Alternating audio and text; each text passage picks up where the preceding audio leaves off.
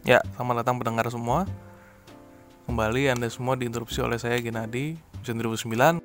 Kalau saya yang menginterupsi berarti soal sejarah. Kali ini adalah tentang uh, pemberontakan setelah kemerdekaan. Dan ternyata banyak sekali dan ujungnya nanti di terakhirnya cukup sampai uh, G30S aja.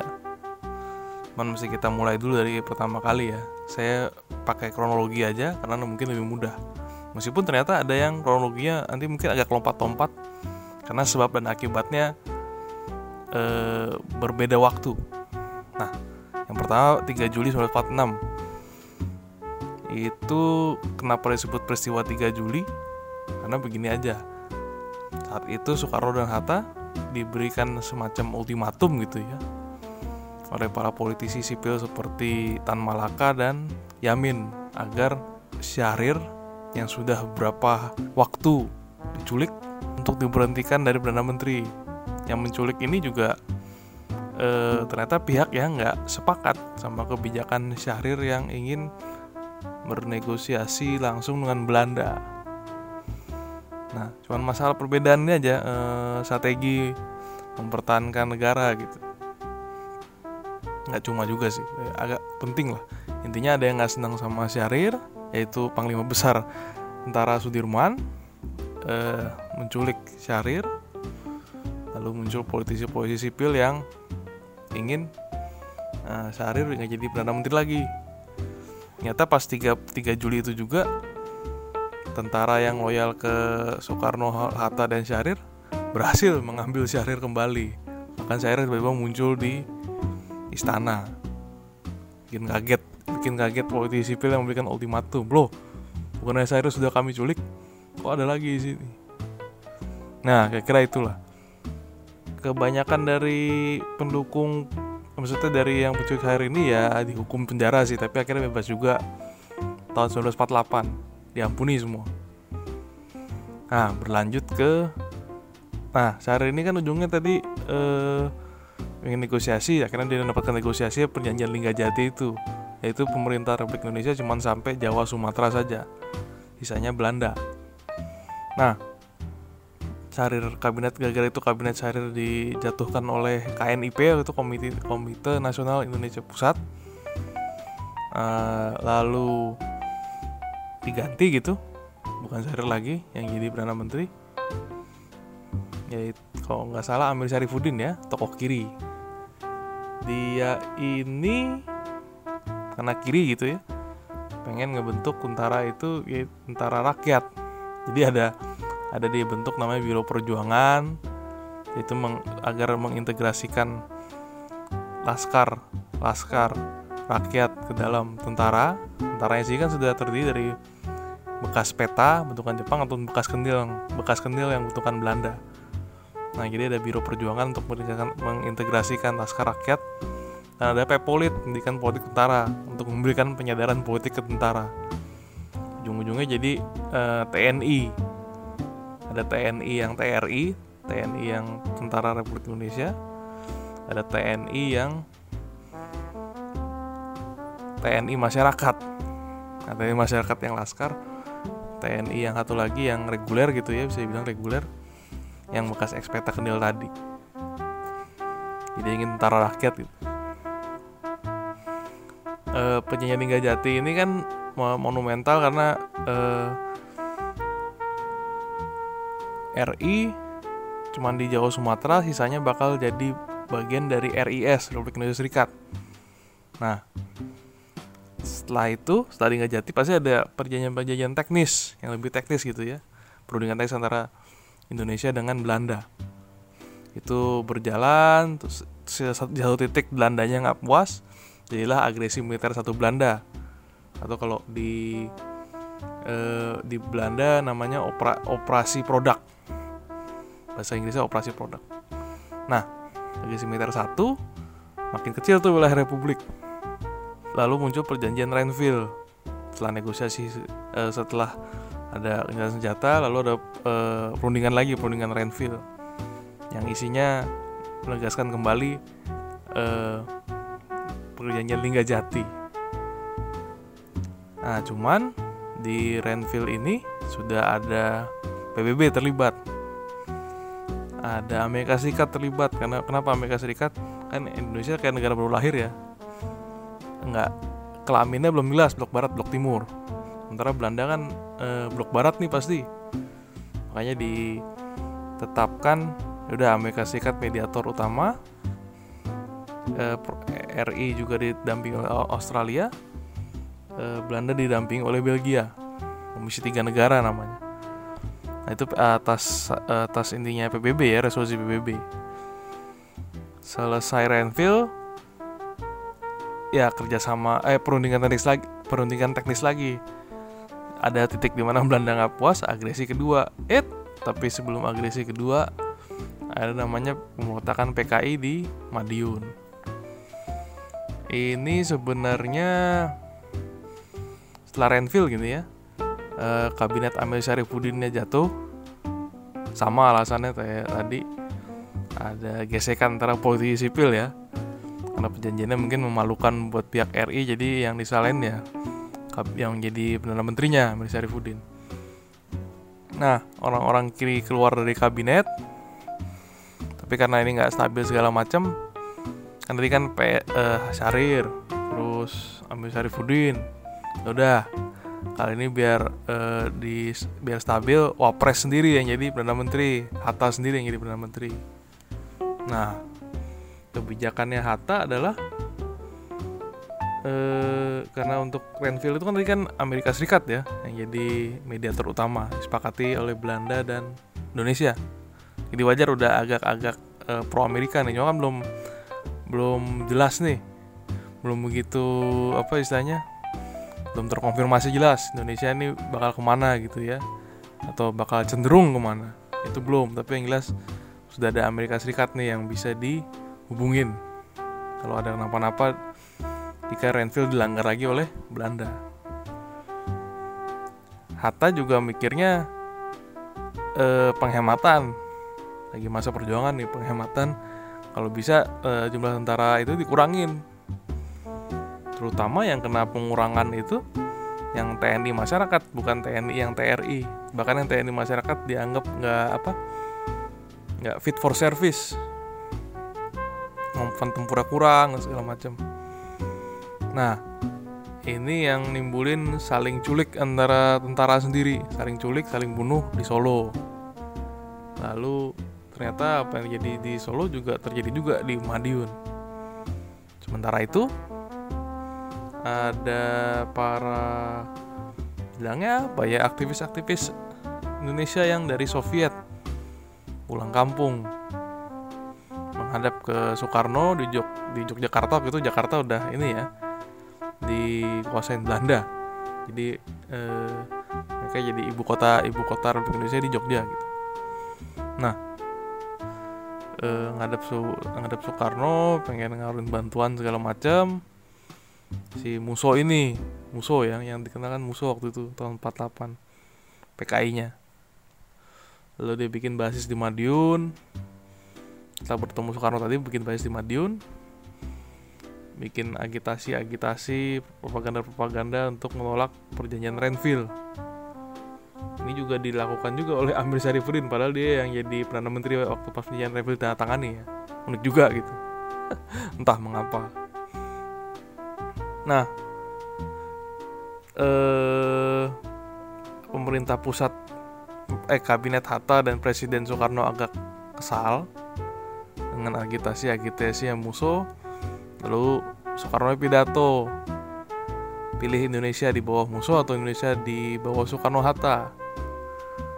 Nah musuhnya balas lagi dengan pendirian Republik Soviet Indonesia saya lupa nama persis tapi intinya begitulah. Jadi ada e, mendeklar kalau e, dia negara yang sah. Sama-sama ada dua pemerintahan gitu ya. Negara yang diklaim sama untuk pemerintah ada dua.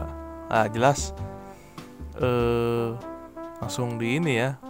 Tentara yang loyal ke musuh ya bela musuh tentara yang loyal ke kabinet Hatta ya mendukung kabinet Hatta Emang situasinya begini juga. E, Renville itu kan sebenarnya mirip-mirip kayak gencatan senjata sebenarnya, e, bukan kayak Linggarjati yang substansinya ada. Renville enggak, Grenville cuma kayak menegaskan kembali bahwa masing-masing pihak RI dan Belanda akan uh, kembali ke Linggajati meskipun situasi perbatasannya itu nggak nggak demikian. Karena uh, Jawa Barat sebagian besar udah dipegang oleh Belanda. Sumatera juga di bagian-bagian tertentu yang pihak tanah perkebunan dipegang oleh Belanda bukan lagi oleh pihak RI Man, uh, waktu itu pihak RI butuh juga. Butuh Renville ini akhirnya disepakati karena butuh waktu kan. Capek perang gitu untuk konsolidasi dan lain-lain. Belanda juga sama setelah melaksanakan agresi gitu. Ini yang akibatnya bikin uh, dianggap uh, pembentakan PKI tahun 48 ini backstep. Nusuk dari belakang gitu. Yang lain lagi pada yang kubu-kubu lain lagi pada perju berjuang lawan Belanda eh ini enggak malah melawan uh, apa? Bangsa sendiri. Baratnya bisa bisa bilang begitulah. Itu 48 setelah itu memang e, ditangkapin sih yang PKI ataupun tentara-tentara yang e, disebut kiri tadi. Ya, yang dukung musuh ya nggak semuanya PKI tapi yang pokoknya kiri lah. Cuman begitu ada agresi militer kedua atau operasi gagak kalau bahasa atau judul judul Belandanya operasi gagak iya akhirnya di semacam diampunin semua oleh Sudirman. Karena dibutuhkan tenaganya. Ya sudah uh, se untungnya selesai musuh dan tokoh-tokoh pimpinannya termasuk Arisudin semuanya dihukum mati. Nah ada tadi 48 ya agresi militer 2 akhir tahun 48 itu Desember. Eh, Soekarno Hatta ditangkap Belanda. Kan nggak jelas tuh pemerintahannya bagaimana misalnya ada pemerintahan darurat lalu ada Sudirman masih bisa masih bisa ini ya. Masih masih bisa beraksi belum ditangkap juga. Masih melakukan perlawanan gitu. Bagaimana dengan daerah yang sudah dikuasain oleh e, Belanda? Dari agresi militer 1 maupun agresi militer 2 tapi yang agresi militer 1 sih yang menarik. Jadi gini kalau yang di agresi, setelah agresi militer 1 kan eh, wilayah RI-nya berkurang ya. Termasuk eh, Jawa Barat. Di sana ada tokoh namanya Kartosuryo dia buat negara Islam Indonesia. Itu dia deklarasi tahun 49 dan melawan Belanda juga. Tapi begitu setelah konvensi meja bundar RIS berdiri Republik Indonesia Serikat berdiri tetap dia melawan pemerintah RIS tapi eh, tindakannya belum ini ya entah kenapa belum belum jadi gerilyawan yang utuh gitu. Masih kayak ada kantung-kantung gerawan kecil memberikan gangguan keamanan seperti uh, saya bilang kayak apa ya mungkin kayak geng uh, kayak geng mafia yang ada di Amerika Serikat tahun 1930-an 40-an itulah. Jadi nggak kayak gerilyawan seperti GAM atau seperti OPM lebih kecil gitu. Tapi lama-lama besar tahun 50-an 60-an NDI atau dar, dar uh, sebutnya apa? Gerakan Darul Islam Tentara Islam Indonesia atau Suryo. Nah, sebelum itu lagi ada juga kan Sulawesi itu masuk ke wilayah Belanda ya menurut Linggarjati. Jadi tentara Belanda masuk ke sana ada perlawanan tentu dari masyarakat Sulawesi ya. Nah, Belanda kirim eh, pasukan khusus di bawah namanya Kapten Westerling. Dan metode-metode wrestling cukup kejam, cukup keji, banyak ribuan meninggal, tapi efektif supaya Sulawesi jadi aman dan tertib bawah Belanda. Nanti wrestling muncul lagi nih pada saat uh, Republik Indonesia Serikat tadi. Nah, kan akhirnya KIB menyepakati Republik Indonesia Serikat. Komisi Benar menyepakati, menyepakati bentuknya Republik Indonesia Serikat.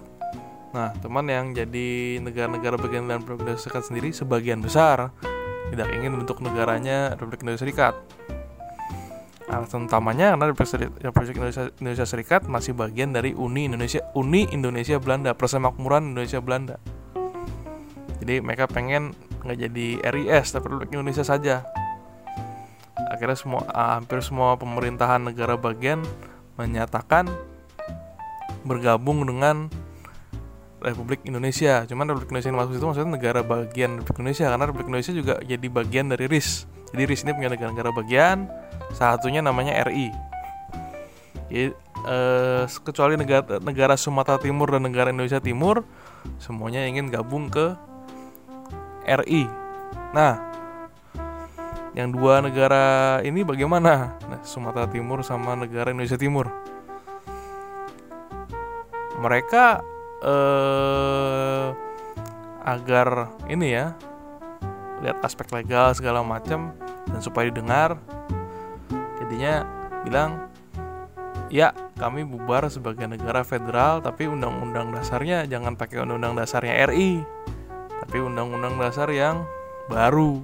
Akhirnya muncul UUDS UUD sementara 1950 itu bedanya dengan konstitusi RIS adalah nama dan sifat federalnya diubah di kesatuan. Kira-kira begitu. Kira-kira jadi RI lagi pada tanggal 17 Agustus 1950 nah ini gesekannya timbul lagi nih. Ada namanya Republik Maluku Selatan karena orang Maluku banyak yang kebetulan direkrut jadi tentaranya Nica ya. Nica itu yang administ pemerintahannya Belanda yang waktu era perang kemerdekaan. Lalu ada juga uh, Westerling lagi. Kan dia sebenarnya kalau uh, itu bukan tentara Belanda sih dia tentara Kenil. Di Kenilnya diaktifin lagi begitu uh, Belanda masuk Indonesia. Jadi nikah itu tentaranya ya Kenil nah yang bekas-bekas Kenil yang nggak pengen atau yang tersingkir sebenarnya tersingkir deh. Tersingkir dari uh, tentara dan artian gini sudah tersingkir. Jadi kan e, dibilang oke okay, dibentuk angkatan perang Republik Indonesia Serikat. Lalu jadi APRI karena serikatnya hilang kan. Nggak ada, ada lagi RIS di RI doang. Nah yang nggak masuk ke sana direkrut sama Westerling bikin pemberontakan angkatan perang Ratu Adil namanya. Lalu dan Andi Aziz. Andi Aziz ini e, semacam komandan di tentara negara Indonesia Timur. Begitu dengar Indonesia Timur dia gabung Indonesia tentu ya buat apa dia uh, nurut gitu ya bisa dibilang. Atau kehilangan tempat dia dia takut kehilangan tempat di angkatan perang Republik Indonesia. Kayak dia yang berontak. Nah selain uh, tiga pihak tadi masih ada juga yang nggak nggak dapat tempat dalam angkatan perang yang baru itu. Namanya Kahar Muzakar. Dia akhirnya gabungnya tapi nggak ke nggak nggak ke nggak bikin pemotongan sendiri. Tapi dia malah bergabung dengan DITI dia kabur bawa senjata-senjata dia orang-orang yang loyal ke dia. Ya begitulah. Dia buat pemberontakan di Sulawesi Selatan. Masih aktif sampai tahun 60-an begitu juga uh, Kartosuryo sampai tahun 60-an belum lagi uh, Daud Breh. Itu dia tokoh tokoh dan mantan pejabat pemerintahan RI di Aceh. Juga gabung dengan DITI nanti yang em, yang gabung DITI ini di Aceh tetap tetap punya kemampuan gerilya yang sempurna. Mereka mereka nanti e, melawan RI kembali dengan nama Gerakan Aceh Merdeka. Tapi itu kisah lain lagi lah. Karena perangnya terlalu panjang e, tanggalnya susah diingat dan seperti laten gitu. Jadi kayak gangguan keamanan laten biasa kayak dengar pencurian. Kalau kita kalau saya sebagai orang Jakarta gitu ya kayak dengar kasus pencurian atau ledakan tabung gas setiap hari. Cuman pasti di sana di aslinya di sana pasti mencekam ya. Karena puluhan tahun ada pemberontakan ya warga sipil kejepit lah antara tentara dengan pemberontak. Oke tadi sampai mana? E, DITI udah. Terus yang tiga pemberontakan karena efek RIS jadi RI gitu ya sudah juga. Lanjut ke pemilu 1955 pemilu pertamanya RI di 10 tahun merdeka baru ada pemilu gitu.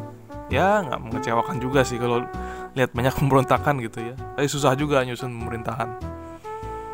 Eh pemenangnya jelas pemenangnya karena agak-agak ini ya timpang gitu. Misal Jawa Timur provinsi Jawa Timur yang menang Nahdlatul Ulama provinsi Jawa Tengah dan provinsi Bali atau sebenarnya bukan provinsi Bali gitu ya provinsi Nusa Tenggara ya. itu yang menang eh, PNI Partai Nasionalis Indonesia Partai Nasional Indonesia maaf Partai Nasional Indonesia Sementara luar Jawa semuanya yang menang Masyumi. Nah, luar Jawa yang menang Masyumi ya. Jadi kita catat kayak Maluku gitu kan. Waktu itu eh, sudah provinsi sendiri ya Maluku ya. Sulawesi walaupun kita punya teman-teman Minahasa yang Kristen banyak dominan Kristen gitu tapi waktu itu provinsi Sulawesi itu satu bahkan nggak terpecah dua baru kepecah dua nanti deh habis pemberontakan Permesta Sumatera itu cuman diatur uh, Sumatera Utara, Sumatera Tengah, Sumatera Selatan.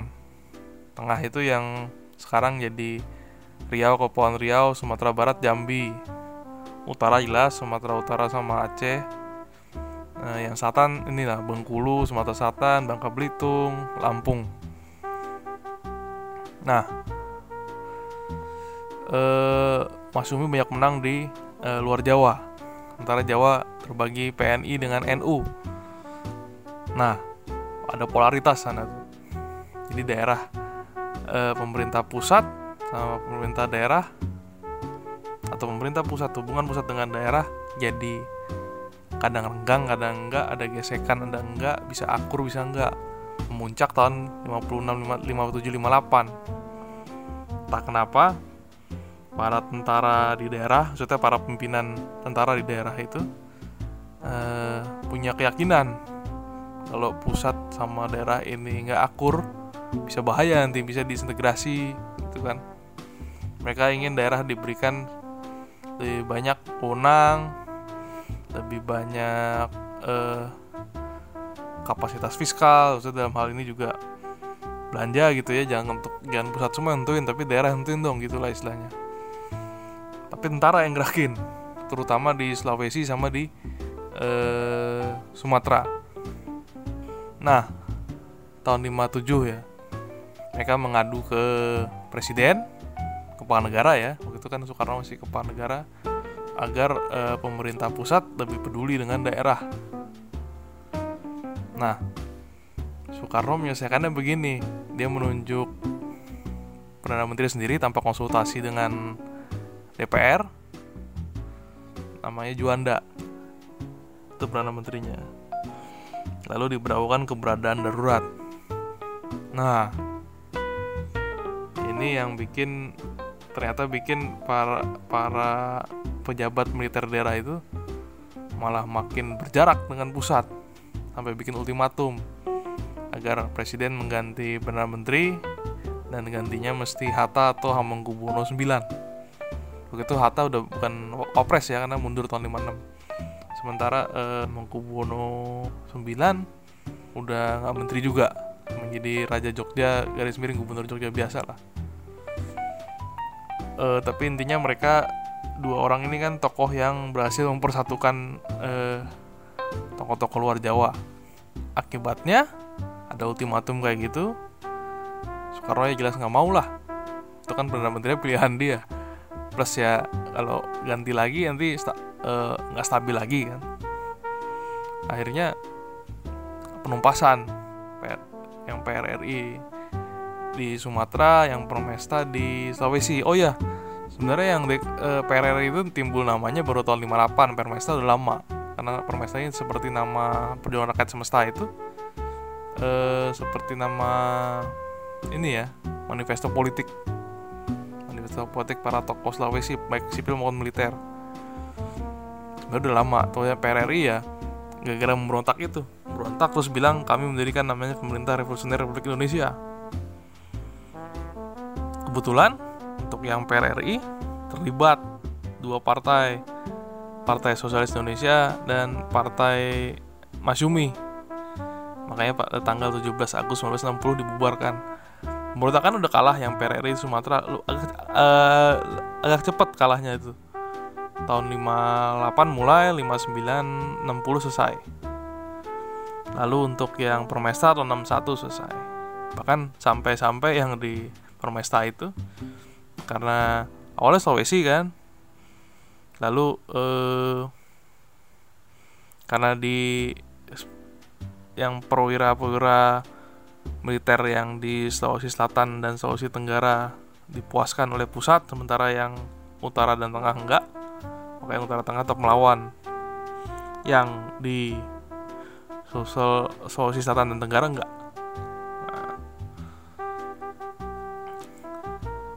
jadi permesta itu sampai perwira-perwira yang uh, yang etnisnya Minahasa kabur dari tugasnya yang jadi dubes. Itu bak jadi dubes di Soviet jadi dubes di Amerika untuk ngebantu Permesta tadi. Tapi begitunya. Jadi e, bukan rasa etis etis lebih tinggi ya cuman ya teman teman seperjuangan masa nggak bantu gitu kan istilahnya. Atau kayak mereka mikirnya wah ternyata republik yang sama saya bela malah menindas warga saya sendiri. Jadi buat apa nih saya sama ini ngebelain republik gitu kan. Permesta selesai tahun 61 PRRI tahun 60 anggaplah begitulah nah di antara itu kan ada dekret tuh 1959 Soekarno bikin sentralisasi lagi. Apa mensentralisasi dia sebagai pusat kekuasaan. Kebetulan uh, siapa tadi uh, Mas Yumi tersingkir PSI tersingkir dan di tentara sendiri ya terbukti kan tentara yang paling setia menjaga negara karena pemberontakan terus gitu. Di kayak semacam pihak tunggal. PNI cuman kayak sekedar apa ya Partai Nasional Indonesia ini ya. Nempel Soekarno tapi nggak diakuin Soekarno juga gitu.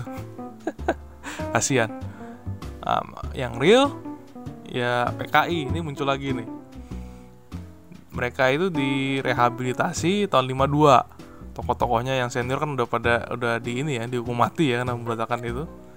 Uh, direhabilitasi uh, janji nggak lagi memberontak bisa ikut pemilu juga tahun 55 dan malah jadi mendukung utama uh, Soekarno. Ini menarik nih. Menariknya adalah ada angkatan darat ada PKI ada Soekarno. Jadi ada tiga gitu yang menjaga republik ini tetap ada hari itu bisa dibilang begitu ya.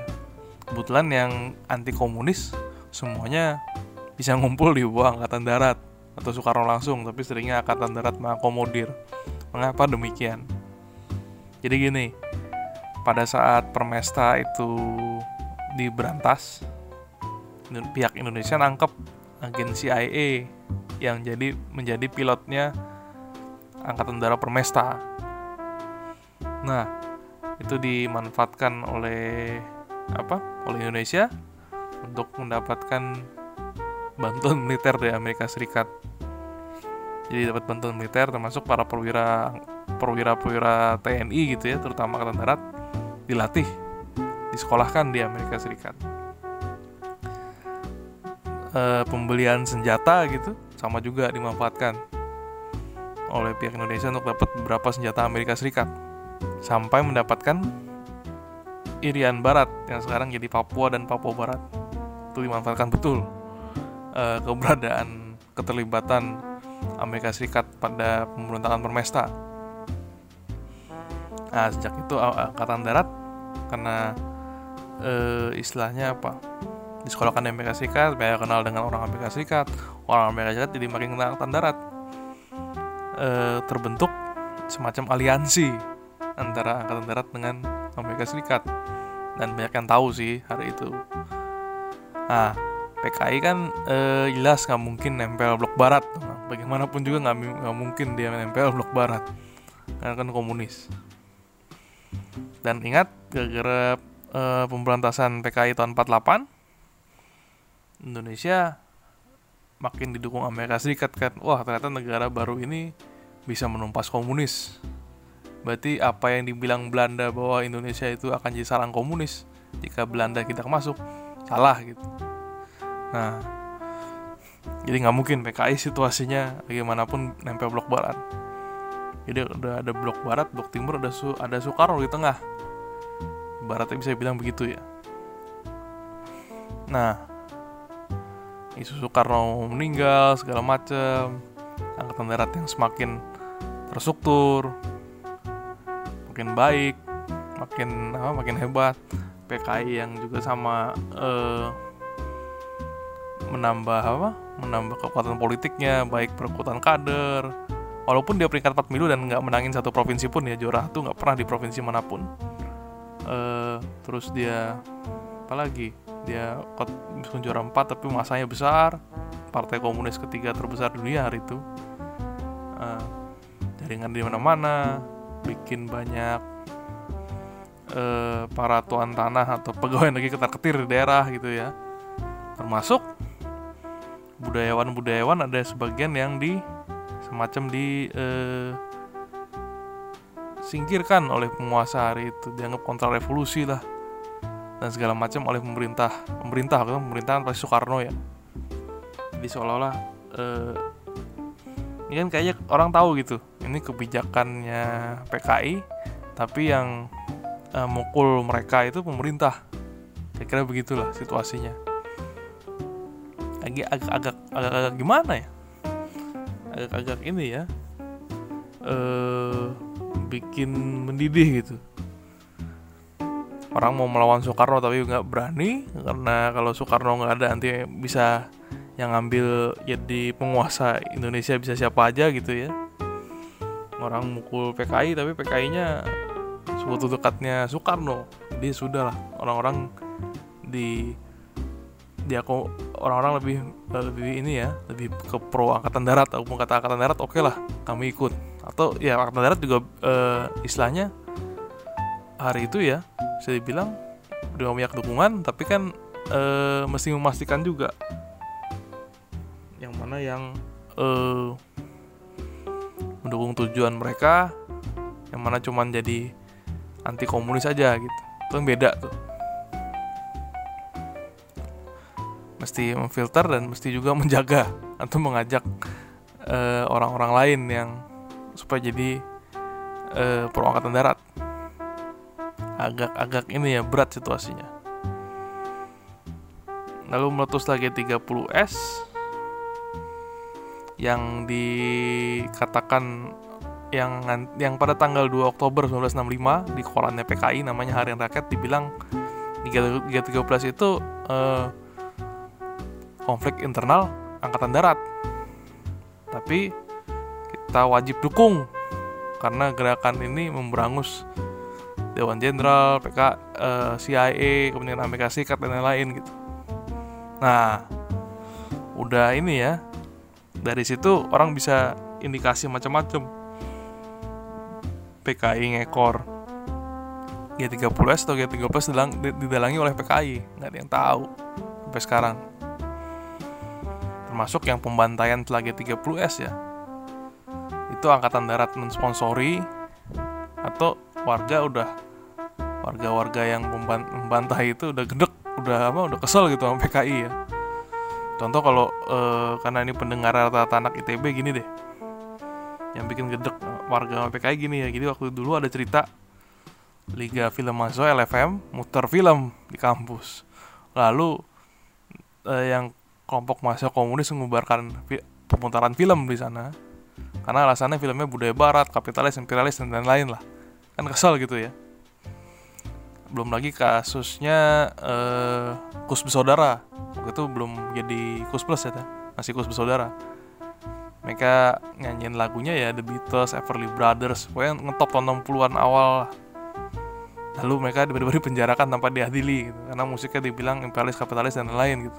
Kira-kira begitulah suasananya hari itu. Kayak persekusi cuman yang lakukan lakukan negara persekusi gitu. eh yang melakukan persekusi itu negara gitu. Maaf bahasa saya berantakan tadi apa mana? Nah G30S meletus harian rakyat bilang begitu. Lalu angkatan darat waktu itu Su Soeharto sendiri yang pimpin karena Ahmad Yani nya kan nggak ketemu di mana. Uh, Soeharto inisiatif sendiri bergerak.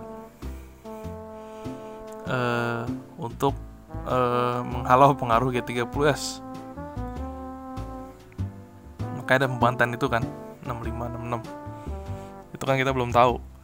Yang apa istilahnya? Sampai sekarang belum tahu. Angkatan darat ngekor atau masyarakat yang ngekor angkatan darat ngebahas orang-orang yang bisa KPKI ya korbannya banyak memang. Angka resmi yang pemerintah RI kumpulin belas, uh, ratusan ribu. Pemerintah RI-nya Soekarno ya waktu itu ya. Atau kalau bisa bilang bukan Soekarno juga sih. Kalau setelah Super Semar ya dia Soekarno dan Soeharto. Nah uh, sementara angkanya mertuanya Presiden SBY Sarwedi bilangnya bisa bisa sampai 2 jutaan bahkan 3 juta. Sekarang nggak ada yang tahu sih berapa sebenarnya angkanya karena nggak ada yang nyatet sebenarnya. Saya bilang gak ada yang nyata iya.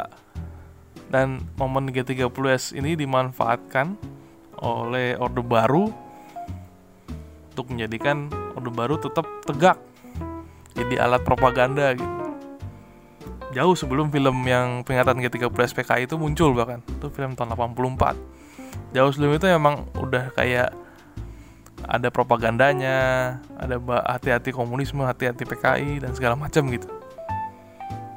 Sudah ada.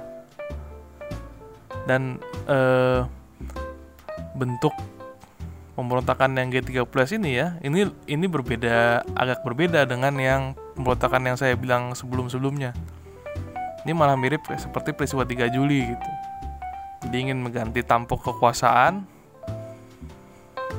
dibanding ingin uh, bangkit dari bawah gitu. Bukan ini sifatnya putsch bukan insurrection.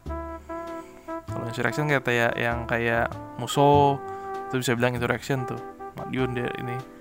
Lalu yang DITI jelas insurrection. Peradi Permesa jelas insurrection.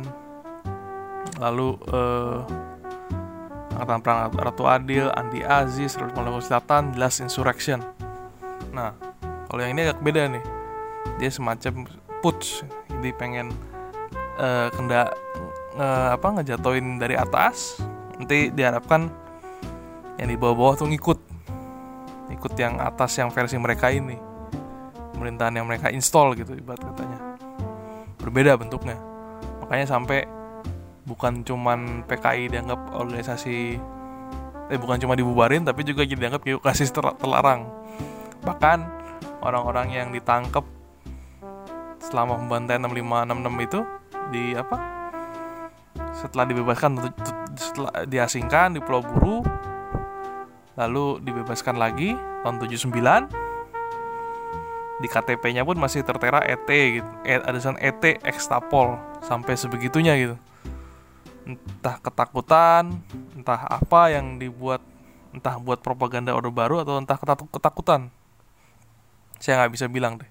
Tapi kalau bentuknya put jadi naruh kader di dalam uh, instansi orang lalu ngubah instansi orang itu supaya jadi pro dia tentu kebijakan-kebijakan seperti itu yang eh kebijakan-kebijakan seperti nyantumin tanda khusus segala macam itu seperti dirasa perlu ya walau kalau secara hak asasi manusia ya udah sih udah dibebasin udah apa ya balik jadi warga negara yang taat hukum udah cukup gitu.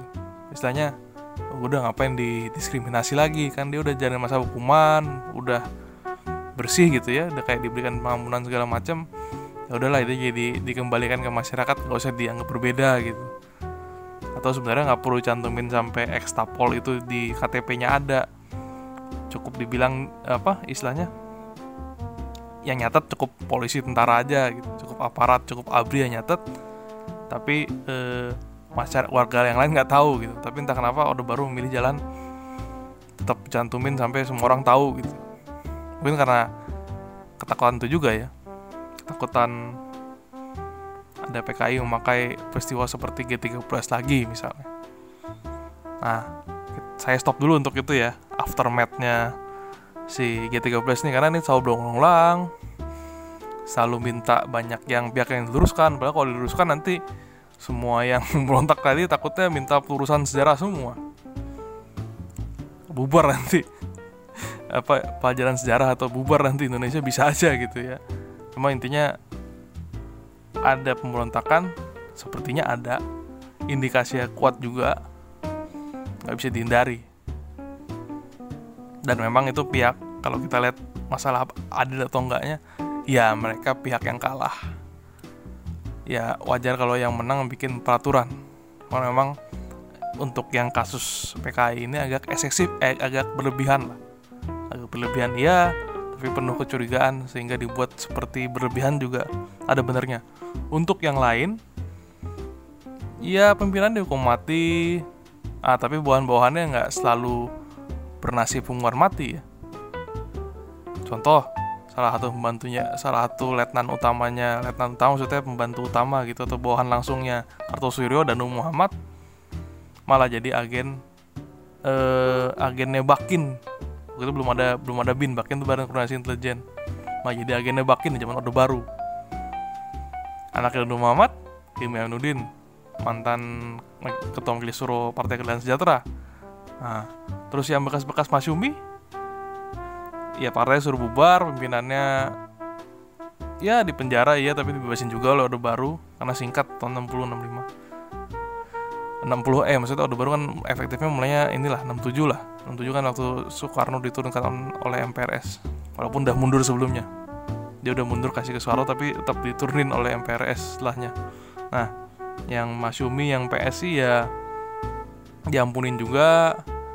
Sebagian sebagian dari mereka gabung ke Golkar Orde Baru atau gabung ke P3 Orde Baru gitu. Tetap bisa beraktivitas politik. Yang PRRI Pemesta apalagi karena tentara yang backing yang jadi penggerak pemberontak tentara tentara yang setia sama Republik juga. Ya mereka kebanyakan ya dia cepat diampuni juga sih. Bahkan nggak di penjara gitu. Dihukum ya. Tapi tak kenapa itu diampuni langsung. Jadi hampir pak hampir ini ya hampir nggak ngalamin jadi kaum pesakitan. Kira-kira itu terus lalu untuk yang uh, Maluku Selatan jelas banyak eksodus dari orang-orang Maluku ke Belanda. Mereka ada nggak pengungsi mereka jadi apa istilahnya nggak di walaupun mau coba naturalisasi itu pun tetap di di apa diskriminasi di sana secara sosial gitu. Ya itu konflik-konflik biasa yang terjadi di daerah yang menerima pengungsi ya. Sudah jelas. Ya makasih sudah mendengarkan dan ternyata uh, di episode podcast yang lama ini maaf sekali nih sampai jumpa di episode episode berikutnya. Terima kasih